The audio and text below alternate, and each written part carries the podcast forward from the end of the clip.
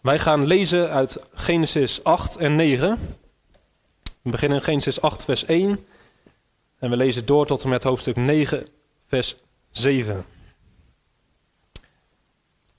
Genesis 8 vanaf vers 1 tot en met hoofdstuk 9, vers 7. Vanmorgen hebben we hoofdstuk 7 gelezen, de zonvloed. En dat eindigde met het water wat op de aarde stond. We gaan nu zien hoe God de aarde weer tevoorschijn haalt. Een nieuwe schepping.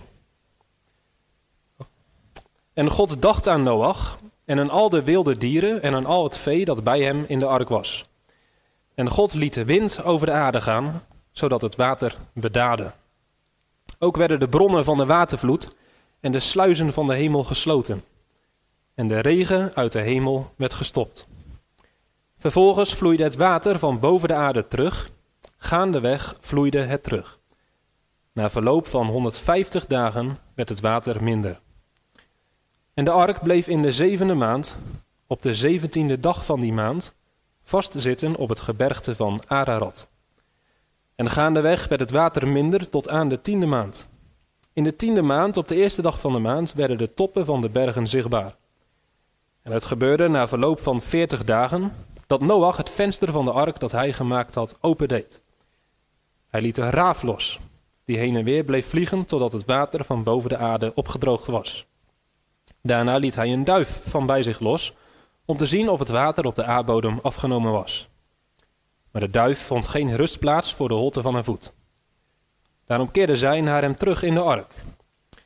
Want het water stond nog boven heel de aarde. Noach stak zijn hand uit, pakte haar en bracht haar bij zich in de ark. En hij wachtte nog eens zeven dagen. Toen liet hij de duif weer los uit de ark. En de duif kwam naar hem toe tegen de avond. En zie, er was een afgebroken olijfblad in haar snavel.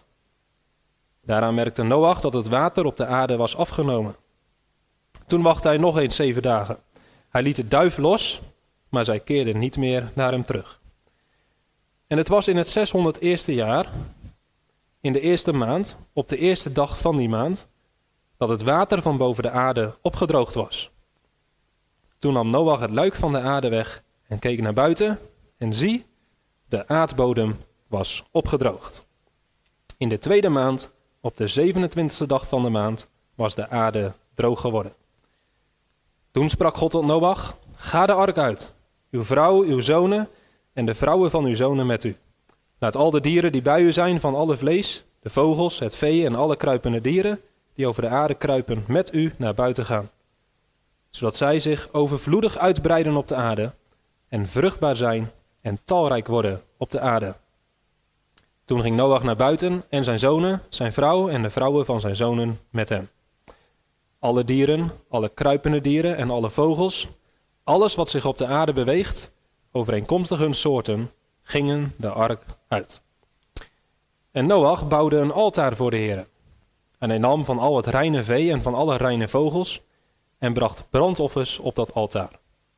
En de Heere rook die aangename geur. En de Heere zei in zijn hart: Ik zal de aardbodem voortaan niet meer vervloeken, vanwege de mens.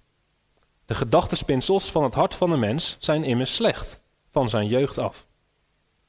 Ik zal voortaan niet al het levende meer doden, zoals ik gedaan heb. Voortaan al de dagen van de aarde zullen zaaitijd en oogsttijd, koude en hitte, zomer en winter, dag en nacht niet ophouden. Toen zegende God Noach en zijn zonen en hij zei tegen hen, wees vruchtbaar, word talrijk en verveel de aarde. Vrees en schrik zal er voor u zijn bij alle dieren van de aarde en bij alle vogels in de lucht en bij alles wat over de aardbodem kruipt en bij alle vissen in de zee. Zij zijn in uw hand gegeven. Alles wat zich beweegt waarin leven is, zal u tot voedsel dienen. Ik heb het u allemaal gegeven, evenals het groene gewas. Maar vlees met zijn leven, zijn bloed, er nog in, mag u niet eten. Voorzeker, ik zal vergelding eisen voor uw bloed, voor uw levens. Van de hand van alle dieren zal ik vergelding eisen. Ook van de hand van de mens.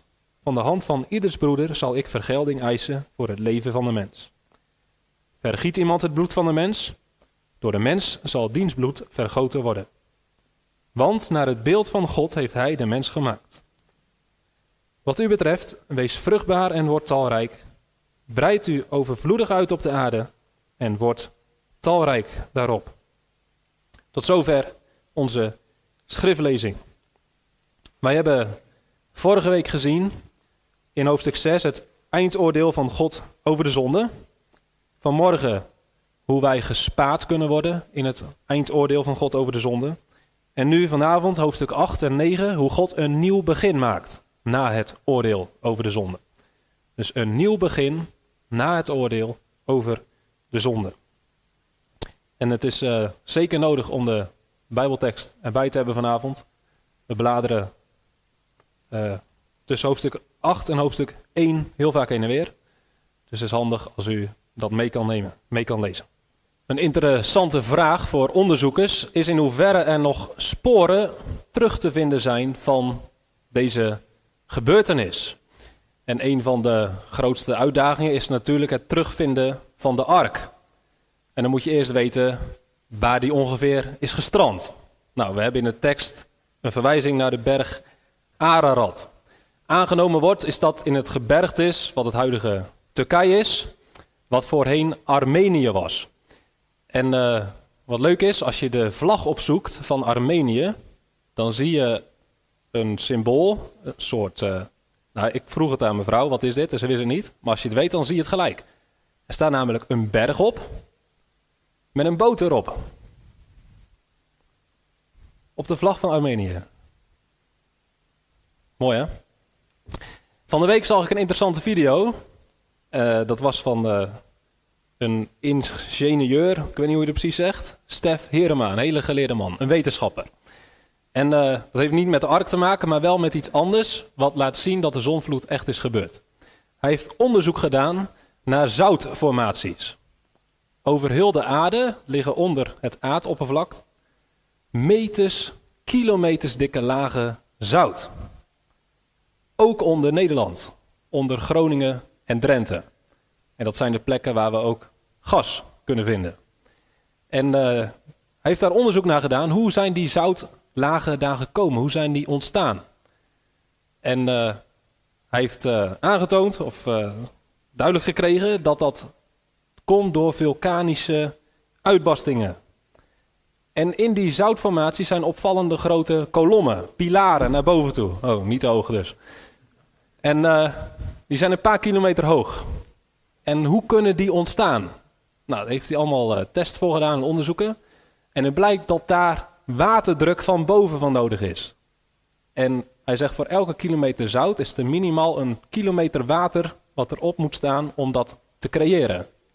Dus als je een zoutkolom hebt van ongeveer 3 kilometer hoog, dan moet daar ooit een watermassa van 3 kilometer hoog boven hebben gestaan. En hij zegt, deze zoutformaties kun je over heel de wereld tegenkomen. En dat maakt duidelijk dat er dus op een bepaald moment, in korte tijd, een enorme massa water moet hebben gestaan. Op hetzelfde moment als die vulkanen gingen uitbarsten. En wat hij vervolgens nog even ontdekt is, als je kijkt naar de samenstelling van het zout, dan moet het om zoet water zijn gegaan. Dus hij zegt, die zoutlagen uh, zijn stille getuigen voor een zoet watervloed. En we vinden dat dus in de Bijbel, in de geschiedenis die we hebben gelezen. Nou, dus interessant. De zonvloed was een ontschepping. Dat betekent dat God eigenlijk wat hij in de schepping deed, helemaal teniet deed. En uh, misschien uh, is het opgevallen, aan het eind van hoofdstuk 7 staat de watervloed had 150 dagen de overhand op de aarde. Als je terugdenkt aan Genesis 1, aan het begin van de schepping, wat staat er dan? Genesis 1, vers 2. De aarde was woest en leeg en duisternis lag over de watervloed. Zo begon het. En in Genesis 7 eindigt het opnieuw zo. Dus de zondvloed is een ontschepping. God doet zijn eigen schepping teniet. Je kunt het ook anders zeggen. God zuivert zijn eigen schepping. Het water zuivert de schepping van het kwaad van de mens. En dat is geen foutje. Dat is ook geen uit de hand gelopen klimaatcrisis. God heeft alles onder controle. Ook in hoofdstuk 7 en 8. Psalm 29, vers 10 zegt: De Heere troont boven de watervloed. Ja, de Heere troont als koning voor eeuwig. Dat is een verwijzing naar de zonvloed. En God staat daarboven. Hij heerst, hij regeert, hij heeft alles onder controle. En God bepaalt wanneer die watervloed komt, hoe lang die watervloed duurt. En God heeft ook de macht om die watervloed weer weg te halen. En dat gaat hij in hoofdstuk 8 doen. God denkt namelijk aan Noach, staat er in vers 1. En God dacht aan Noach en aan al de wilde dieren en al het vee dat bij hem in de ark was. Als God aan mensen denkt, dan is dat altijd iets positiefs. Dan doet God dat met goede bedoelingen. Dan doet God dat om mensen iets positiefs te brengen. We lezen later dat bij de verwoesting van Sodom en Gomorra God dacht aan Abraham en hij spaarde Lot. We komen later Rachel tegen, kan geen kinderen krijgen. En dan staat er, God dacht aan Rachel. En hij opende haar baarmoeder. En Exodus 2, als Israël in Egypte is, dan denkt God aan zijn verbond met Abraham en Isaac. En hij verlost Israël uit Egypte. Dus als je leest, God denkt aan, dan weet je altijd, nu gaat God iets goeds doen, iets positiefs. Nou, in dit geval denkt God aan Noach en gaat hij ervoor zorgen dat Noach weer de ark uit kan. En dat hij weer op een aarde komt die bewoonbaar is. Nou, op de manier waarop God die aarde weer bewoonbaar gaat maken, zien we heel veel overeenkomsten met Genesis 1. En dat is denk ik bewust, dat laat zien dat we hier te maken hebben met een herschepping. God gaat opnieuw de aarde scheppen, opnieuw orde maken vanuit de chaos. En het eerste wat overeenkomt, lezen we ook in hoofdstuk 8, vers 1. Daar staat: God liet wind over de aarde gaan, zodat het water bedaarde. Nou, dit is weer het probleem van vertalingen. In onze Nederlandse vertaling denk je niet gelijk aan Genesis 1, maar in het Hebreeuws wel. Want het woord voor wind is het woord ruach. En het woord ruach kun je ook vertalen met geest. Dus je kunt ook lezen, en God liet een geest over de aarde gaan, zodat het water bedaarde. Nou, en als je dan Genesis 1, vers 2 nog een keer leest, dan zie je duidelijk de overeenkomst. De aarde was woest en leeg en duisternis lag over de watervloed. En de geest van God zweefde boven het water. Nou, net zoals in Genesis 1 de geest van God over de wateren zweefde, zo lezen we in Genesis 8, vers 1, dat de geest van God over die watervloed gaat. Nou, wat gebeurt er vervolgens? In uh, Genesis 1 ging God uh, scheiding maken op de tweede dag tussen het water dat boven de aarde was en het water dat onder de aarde was. En boven de aarde noemde hij hemel en onder de water de zeeën. Nu doet God in Genesis 8 iets vergelijkbaars. Er komt namelijk bij de zonvloed kwam er water van onderen, vanuit de waterbronnen, en van boven. De hemelsluizen werden geopend. En wat doet God? Hoofdstuk 8, vers 2. De bronnen van de watervloed, dus dat is het water beneden, en de sluizen van de hemel, dat is het water boven, werden gesloten. De regen uit de hemel werd gestopt. Dus dat is de tweede overeenkomst. Net zoals God in Genesis 1 op de tweede dag scheiding maken tussen het water boven de hemel en onder de hemel. Zo zorgt God ervoor in Genesis 8 dat het water uit de hemel en uit de aarde stopt. Vervolgens op de derde dag maakte God scheiding tussen water en land. God zorgde ervoor dat het droge zichtbaar werd. Dat er zee was en aarde. Dit is precies het volgende wat we lezen in Genesis 8. Het water, wat zo hoog stond, 150 dagen lang, gaat langzaam zakken. Net zolang tot de bergen zichtbaar worden. Vers 5. De toppen van de bergen werden zichtbaar. En uiteindelijk lezen we in vers 13. In het 600 eerste jaar, in de eerste maand, op de eerste dag van de maand.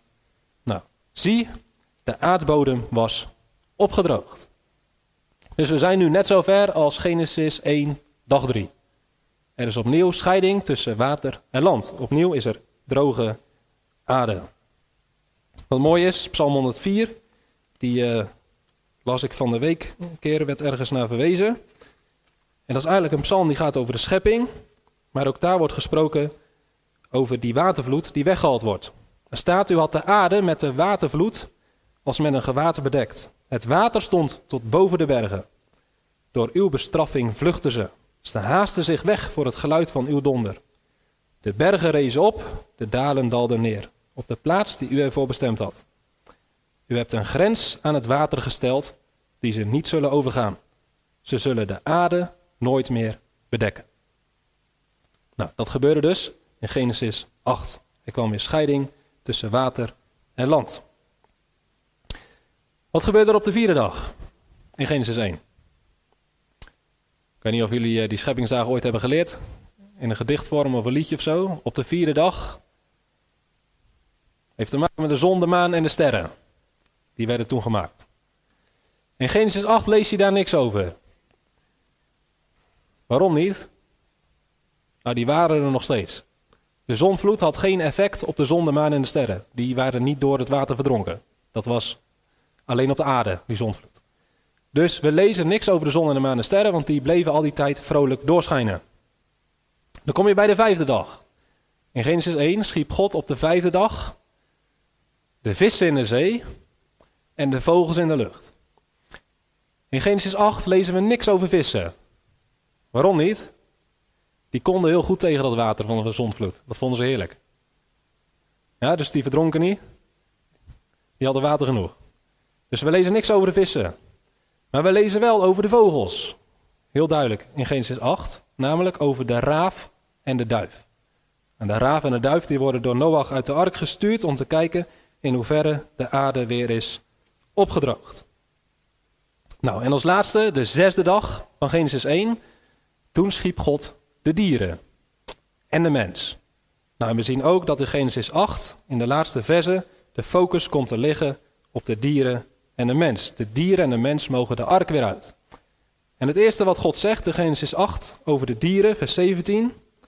Laat al de dieren die bij u zijn, met u naar buiten gaan, zodat zij zich overvloedig uitbreiden op de aarde en vruchtbaar zijn en talrijk op de aarde. Nou, Genesis 1 heeft God ook zoiets gezegd over de dieren. God zei in Genesis 1, wees vruchtbaar en word talrijk op de aarde. Dus opnieuw een parallel. Nou, die focus op de dieren die eindigt in hoofdstuk 8 vers 19. Dan krijg je een stukje over Noach en het offer. Daar ga ik aan het eind van de preek pas op in. En dan begin je in hoofdstuk 9 vers 1. Dan komt de focus op de mens te liggen. En dat is dus het laatste als laatste komt de mens weer in beeld. En dat was ook in Genesis 1 zo. Als laatste schiep God de mens naar zijn beeld. En toen God de mens schiep, toen stond er daarna, en God zegende de mens en zei tegen hen, wees vruchtbaar, word talrijk en vervul de aarde. Onderwerp haar, heers over de vissen van de zee, over de vogels in de lucht en over al de dieren die over de aarde kruipen.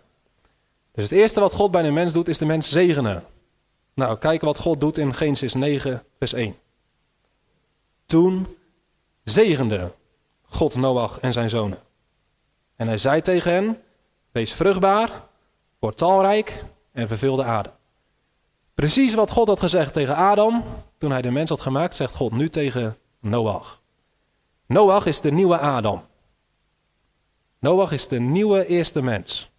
Wij zijn allemaal nakomelingen van Adam, wij zijn ook allemaal nakomelingen van Noach. Hij is opnieuw de eerste mens. God gaat met Noach een nieuw begin maken. En hij krijgt de zegen van God mee om ook, net als Adam, zich overvloedig voor te planten. Talrijk te worden. Met de hoop dat het nu beter zal gaan. De nakomeling van Adam, dat wij uiteindelijk geweldig grote zondaren die gestraft moesten worden. En nu zegt God, Noach, ik maak een nieuw begin met jou. En ik hoop dat jouw nakomelingen het beter gaan doen. Nou, we gaan volgende week zien of dat zo is. Maar uh, we zien dus een nieuw begin, een nieuwe Adam. Er is nog een verschil. Um, Noach, die. Uh, nee, je moet beginnen met Adam. God had tegen Adam gezegd dat hij mocht heersen over de dieren. Heers over de Staat er? De vissen van de zee, de vogels in de lucht en over al de dieren die over de aarde kruipen. Dat betekent dat Adam een koning is. Hij mag namens God onderkoning zijn op deze aarde. Het was de bedoeling van Adam dat hij als onderkoning zou regeren. Nu zegt God iets tegen Noach wat daar mee te maken heeft, maar wat veel minder positief klinkt. Kijk maar in 9 vers 2. Daar zegt God tegen Noach: Vrees en schrik zal er zijn bij alle dieren van de aarde en bij alle vogels in de lucht. Dus al die schepselen waar wij over mogen regeren als mensen, die zullen bang voor ons als mensen zijn. Waarom? Nou, omdat wij nog steeds de positie hebben van een koning. We hebben nog steeds de kenmerken, de eigenschappen om macht te hebben over andere schepselen. Dat is zo gebleven. Adam was een goede koning. Dat was goed voor de schepping. Maar Noach en zijn nakomelingen zullen blijkbaar niet zulke goede koningen zijn. Wij zullen als mensen zo met de schepping omgaan dat de schepping bang voor ons is. Nou, dat is best wel terecht, hè? Want wij als mensen roeien dieren uit. Wij doden dieren, we misbruiken dieren. Plantensoorten sterven uit door de manier waarop wij als mensen leven. Wij zijn slechte koningen. Nou, dat zie je in dit vers terugkomen. De dieren zullen. Kijk, bij Adam kwamen ze naar hem toe. En hij kon ze een naam geven.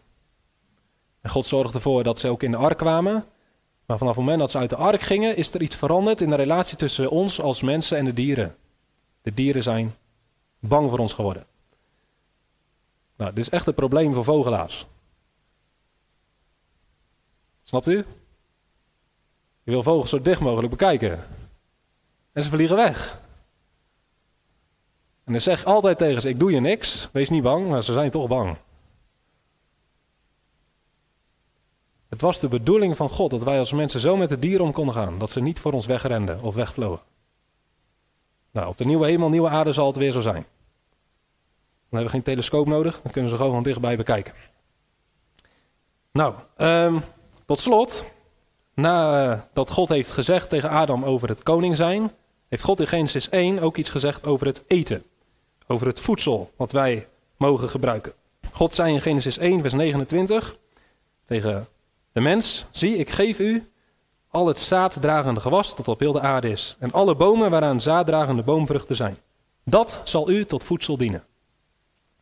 Dus wij waren, noem je vegetarisch toch? Of veganistisch. In ieder geval, we aten alleen maar groene dingen. Dingen die aan de planten en de bomen groeiden, uit de aarde voortkwamen. Ja, dat staat in Genesis 1. Maar let op wat er verandert in Genesis 9. Genesis 9, vers 3. Alles wat zich beweegt, maar in leven is, zal u tot voedsel dienen. Ik heb het u allemaal gegeven, evenals het groene gewas. Maar vlees met zijn leven, zijn bloed er nog in, mag u niet eten. Dus een overeenkomst. Opnieuw zien we dat uh, er parallellen loopt. Eerst gaat het over de zegen, dan wees vruchtbaar, dan het koningschap en als laatste over de voedsel. Precies zoals we de volgorde zien in Genesis 1. Maar er zit een belangrijk verschil in. Voor de zondvloed mochten wij als mensen geen vlees eten. Na de zondvloed staat God het eten van dieren wel toe. Er zit hier wel een beperking bij, want God zegt: er mag geen vlees gegeten worden waar het bloed nog in zit. Waarom niet? Waarom verbiedt God dat? Nou, we weten sowieso in het Oude Testament dat bloed een hele belangrijke betekenis heeft voor ons als mensen. Het heeft een heilige betekenis.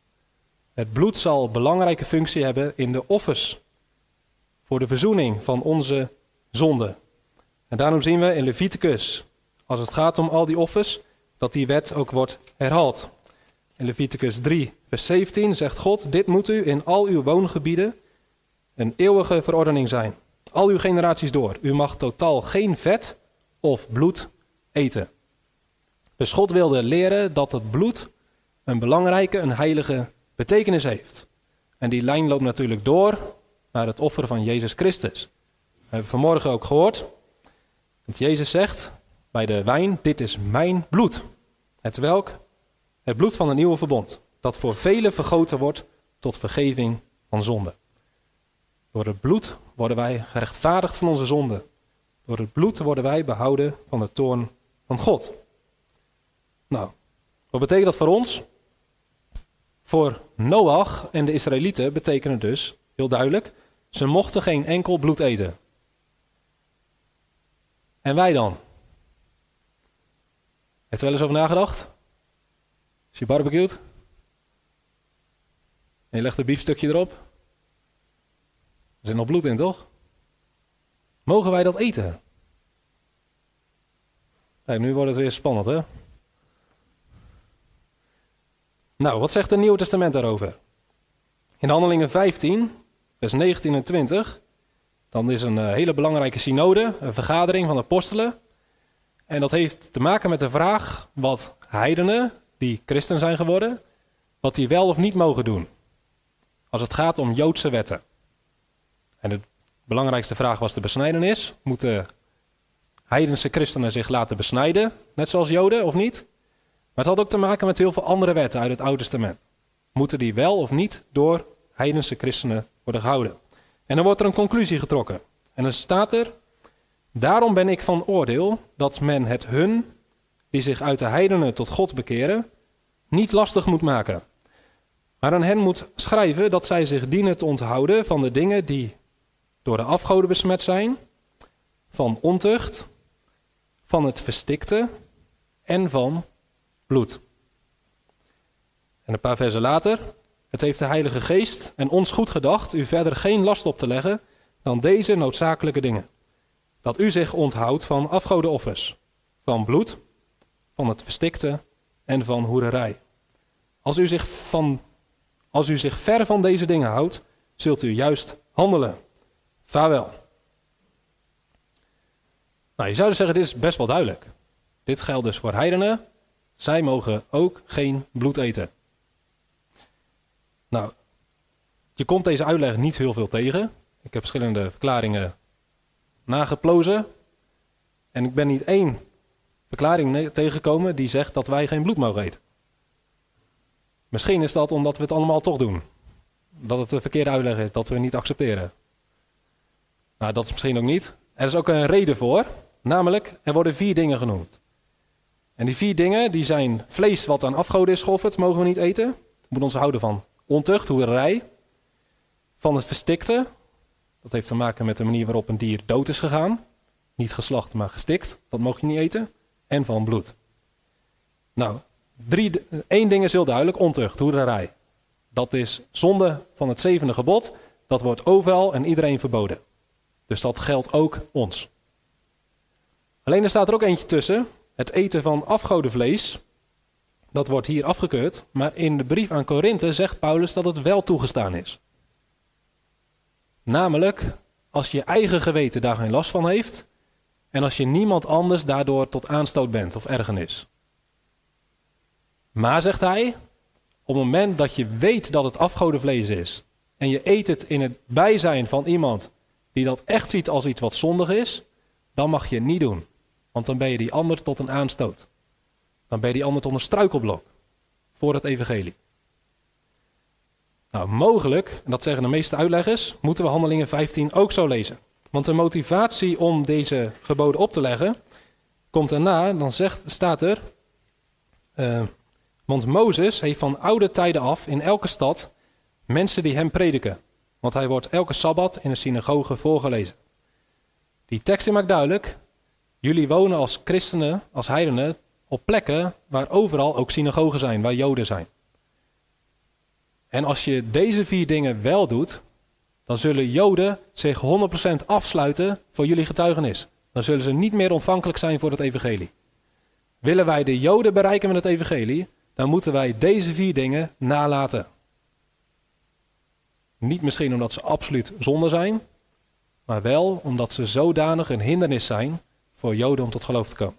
Dus als je die lijn volgt, dan kun je zeggen: wij mogen als christenen wel bloed eten. Alleen op het moment dat iemand anders daardoor geërgerd wordt en niet meer ontvankelijk wordt voor het evangelie, moet je het nalaten. Nou, dat is een lijn die heel veel uitleggers volgen. Er zijn ook christenen die dit wel zien als een absoluut gebod. Wij mogen geen bloed eten. Dat zei God tegen Noach. En vanaf dat moment geldt het voor alle mensen. En ik denk ook dat we zulke christenen moeten respecteren, in ieder geval. En misschien zelfs bewonderen. Want het is best wel een hele flinke, dappere keus, denk ik, om in deze tijd daarvoor te gaan. Er zijn ook mensen die zeggen, misschien is het niet per se uh, door God verboden, maar de wetten van God zijn altijd goed voor ons. Dus als dit een wet is die God geeft, dan mag je er ook van uitgaan dat als je die naleeft, dat het goed voor je is. Voor je gezondheid. En uh, waar ook uh, niet-christenen het over eens zijn, is dat bloed echt slecht voor ons is. Omdat door bloed alle bacteriën en virussen en uh, al die dingen die ingespoten worden in dieren, die komen door het bloed ook bij ons als mensen. Dus gezondheidstechnisch gezien, hoe zeg je dat, zou het verstandig kunnen zijn om zo weinig mogelijk of helemaal geen bloed te eten. Nou, ik heb hier een gesprek over met Laura en uh, ik stel voor dat jullie dat allemaal thuis doen, hoe je dat toe gaat passen. Maar uh, dit is denk ik wat ik hierover kan zeggen en ik, uh, nou, ik hoop dat het duidelijk is. Nou, nog twee stukjes tekst waar we aandacht op gaan geven. En de ene is op een manier ook heel interessant. En we moeten nog kijken naar hoofdstuk 8, de laatste drie versen. En hoofdstuk 9, vers 5 en 6. En we gaan eerst kijken naar hoofdstuk 9, vers 5 en 6. En dat gaat over het feit dat het leven van de mens door God beschermd wordt. God zegt, als het leven van de mens wordt genomen, als het bloed van de mens uh, vloeit, dan uh, zal ik daar vergelding voor eisen. Van de dieren en van de mensen. En er staat er in vers 6: Vergiet iemand het bloed van de mens, door de mens zal diens bloed vergoten worden. Want naar het beeld van God heeft hij de mens gemaakt. Opnieuw een verwijzing naar Genesis 1. Daar staat dat wij naar het beeld van God zijn gemaakt. En nu zegt God, omdat een mens naar het beeld van God is gemaakt, iedereen die een mens doodt, moet zelf gedood worden. Nou, dit is later ook uh, in de wetten van Israël uh, ingevoerd. In Exodus 21, vers 12 zegt God: Wie iemand zo slaat dat hij sterft, moet zeker gedood worden.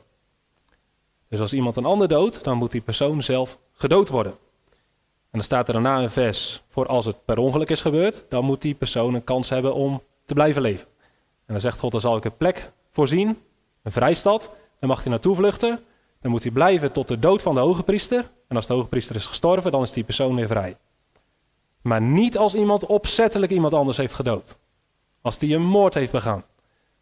Dan moet hij zelfs, al is hij in de vrijstad gevlucht, dan moet hij alsnog sterven. Dus het was nodig om vast te stellen of iemand per ongeluk een doodslag had begaan. Of dat iemand opzettelijk een moord had begaan. En daarom staat er in uh, Deuteronomium 19, om dat eerlijk te laten gebeuren, dat er twee of drie getuigen nodig zijn. Een enkele getuige mag tegen niemand opstaan met betrekking tot enige ongerechtigheid of tot enige zonde. Bij elke zonde die men ook zou kunnen doen. Op de verklaring van twee of drie getuigen staat de zaak vast. En om dit eerlijk te laten verlopen, is er een rol voor de priesters en rechters. Wanneer een misdadige getuige tegen iemand opstaat om hem aan te klagen, dan moeten de twee mannen die dit geschil hebben voor het aangezicht van de Heer gaan staan, voor de ogen van de priesters en de rechters die er in die dagen zijn. En de rechters moeten de zaak goed onderzoeken. Dus uh, die doodstraf, dat was niet in handen van burgers, maar dat lag in handen van de priesters en de rechters. En die lijn die is voort, voortgezet in het Nieuw Testament, dat de overheid die taak heeft. In Romeinen 13 staat dat de overheid godsdienares is, u ten goede. Als u echter kwaad doet, vrees dan, want zij, de overheid, draagt het zwaard het zwaard is om de doodstraf uit te voeren, niet zonder reden. Zij is namelijk Gods dienares, een wreekster tot straf voor hem die het kwade doet. Nou, uh, volgens mij zijn er in Nederland niet heel veel partijen voor de doodstraf, maar de SGP is het wel. En dat is hierop gebaseerd. De SGP zegt, het leven van een mens is zo heilig, zo beschermwaardig, dat als iemand een ander vermoordt, dan heeft hij zelf geen recht meer op het leven. Dus de doodstraf zou weer ingevoerd moeten worden. Nou, ik weet niet of dat een politieke kwestie is of een bijbelse kwestie. God wil het leven van de mens beschermen tegen geweldenaars. En uh, we hebben voor de zonvloed gezien dat er geweldenaars op de aarde waren. En wat waren dat voor mensen? Nou, die waren net als Lamech. Lamech zegt in Genesis 4, voorzeker, ik doodde een man om mijn mond en een jongen om mijn striem. Als iemand mij sloeg en ik had een wond, sloeg ik hem dood. Dat was Lamech. Dat was een moordenaar. En hij was bang voor niemand. Hij zegt, Kain wordt zevenvoudig gebroken, Lamech zeventig maal zevenmaal. Met andere woorden, niemand maakt mij wat. Nou, zulke mensen waren er. En dat zorgde ervoor dat geweld op de aarde, waardoor de zonvloed ook kwam. En God zegt, dit ga ik voorkomen. Ik ga het leven van de mens zo beschermen. Dat als iemand anders iemand anders heeft gedood, dan moet hij zelf gedood worden. Nou, dan gaan we nu naar de laatste versen van hoofdstuk 8. En uh, dat zijn echt hele mooie versen. Daar gaat Noach is uit de ark. En het eerste wat Noach gaat doen is een huis bouwen. Een mooie plek om te wonen creëren. Nee, dat staat er niet. Het eerste wat Noach doet, Noach bouwde een altaar voor de Heer. Dat, was belangrijk, dat was blijkbaar belangrijk. Dat had blijkbaar prioriteit. Het is de eerste keer dat we in de Bijbel lezen dat er een altaar wordt gebouwd. En uh, we komen dit later nog heel vaak tegen. Dat er mensen altaren bouwen voor de Heer. Bijvoorbeeld Abraham. In Genesis 12, vers 8. Abraham brak op naar de bergland ten oosten van Bethel en zette zijn tent op tussen Bethel in het westen en Ai in het oosten. Daar bouwde hij voor de Heere een altaar. En hij riep de naam van de Heere aan. Dit laat een beetje zien wat het doel was daarvan, van die altaar. Hij bouwde een altaar en hij riep de naam van de Heer aan. We hebben gezien dat was iets van godsdienst. Dus de naam van de Heer aanroepen betekent God dienen. Het eerste wat Noach doet is God dienen. En een altaar is natuurlijk een plek om offers te brengen. En dat lezen we ook. Noach nam van al het reine vee en van alle reine vogels en bracht brandoffers op dat altaar. Misschien heeft u vanmorgen nog, uh, ik kan nog herinneren van vanmorgen, dat we in hoofdstuk 7 hebben gelezen dat Noach bij het binnengaan van de ark zeven paar reine dieren moest nemen en van de onreine dieren één paar. Waarom? Nou, hierom. Zodat als hij uit de ark kon komen, als hij uit de ark kwam, een offer kon brengen. En offers mochten alleen gebracht worden van reine dieren. In Leviticus lees je hier uitgebreide instructies over. Het was de taak van de priesters om daar onderscheid in te maken. Om te kijken wat reine dieren waren en wat onreine dieren waren. En vervolgens was het de taak ook van de priesters om reine dieren te offeren. Wat zien we hier dus? Noach is een priester. Net hebben we gezien dat hij een koning was. En nu zien we dat hij ook een priester is. Net als Adam een koning was en een priester was. Adam was een priester in de Hof van Eden, wat een tabernakel was, op de berg. En nu is Noach op een berg, de berg Ararat, en hij is hier als een priester offers aan het brengen. Nu hoefde Adam geen offers te brengen als priester. Hij hoefde alleen maar voor te zorgen dat de Hof van Eden bewaakt bleef tegen het kwaad. Dat er geen zonde in kwam. De eerste offers worden gebracht in Genesis 4, na de zondeval. Waarom? Omdat offers altijd te maken hebben met onze zonde. Offers zijn nodig geworden omdat wij zondaren zijn. En om onze zonde te kunnen vergeven, is het nodig dat er offers worden gebracht. We gaan dat straks heel duidelijk zien, dat het offer van Noach ook te maken heeft met onze zonde. Het wordt een brandoffer genoemd. En een brandoffer, daar lees je uitgebreid over in Leviticus 1, dat is letterlijk een opstijgoffer. En wat kenmerkend was voor dit opstijgoffer, was dat het volledig verbrand moest worden. Alles moest verbrand worden. Heel het dier, alles wat geofferd werd. En wat betekende dat? Dat betekende volledige overgave, volledige toewijding. Wat Noach hier laat zien aan God is zeg, u krijgt mijn hele leven. Ik offer alles aan u op. Nou, daar kunnen we een prachtige toepassing maken. Het eerste wat Noach dus doet, nadat hij gered is, nadat hij verlost is uit de zondvloed, hij gaat zijn hele leven aan God toewijden. En ditzelfde wordt van ons gevraagd. Dit zouden wij ook moeten willen doen. Als we vanmorgen hebben gevierd en gedacht dat Jezus voor ons het oordeel van God heeft gedragen, dat onze zonden volkomen zijn vergeven, dat wij uiteindelijk gespaard zullen worden in het eindoordeel van God over de zonde en eeuwig leven krijgen. Dat is zoveel. Dat zijn zulke grote zegeningen.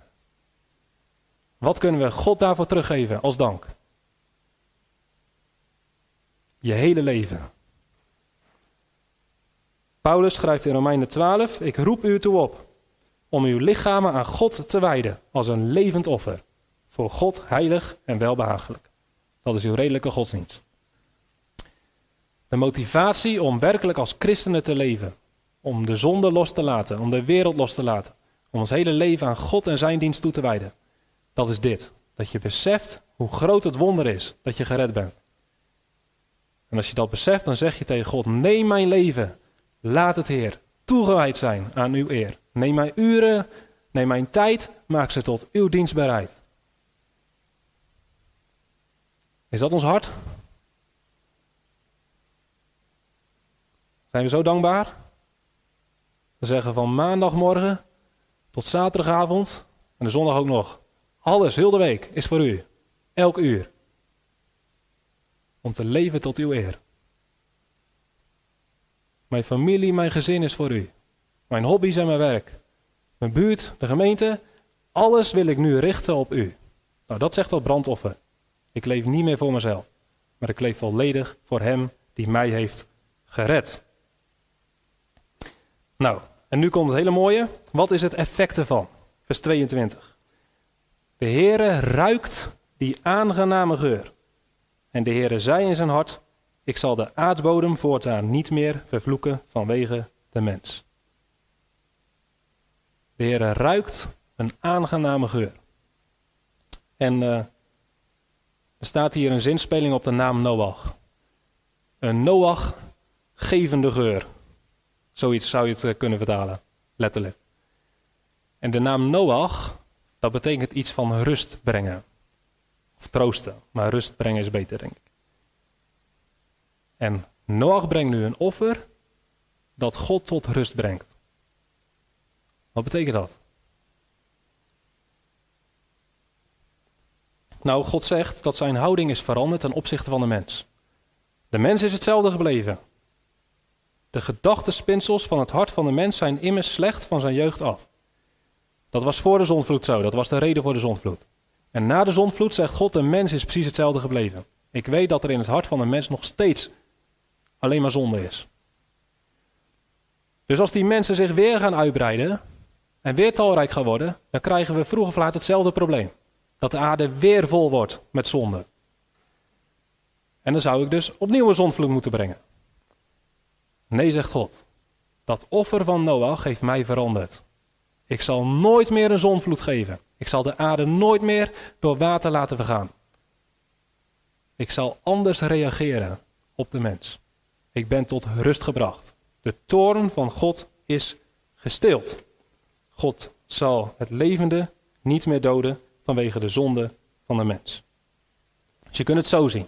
Omdat God zo heilig is, beweegt onze zonde hem tot toorn. En God is geduldig, maar zolang wij door blijven zondigen, dan hoopt die toorn zich op. Tot er een punt komt dat de toorn eigenlijk als een vulkaan uitbarst. Of als een super, super tyfoon losgaat. Staat dat goddelozen de toorn van God ophopen. En er zit een grens aan. Nou, hoe krijg je die toorn van God gesteeld? Hoe zorg je ervoor dat die vulkaan niet uitbarst? Dat de toorn van God niet losbreekt? Hier staat het antwoord.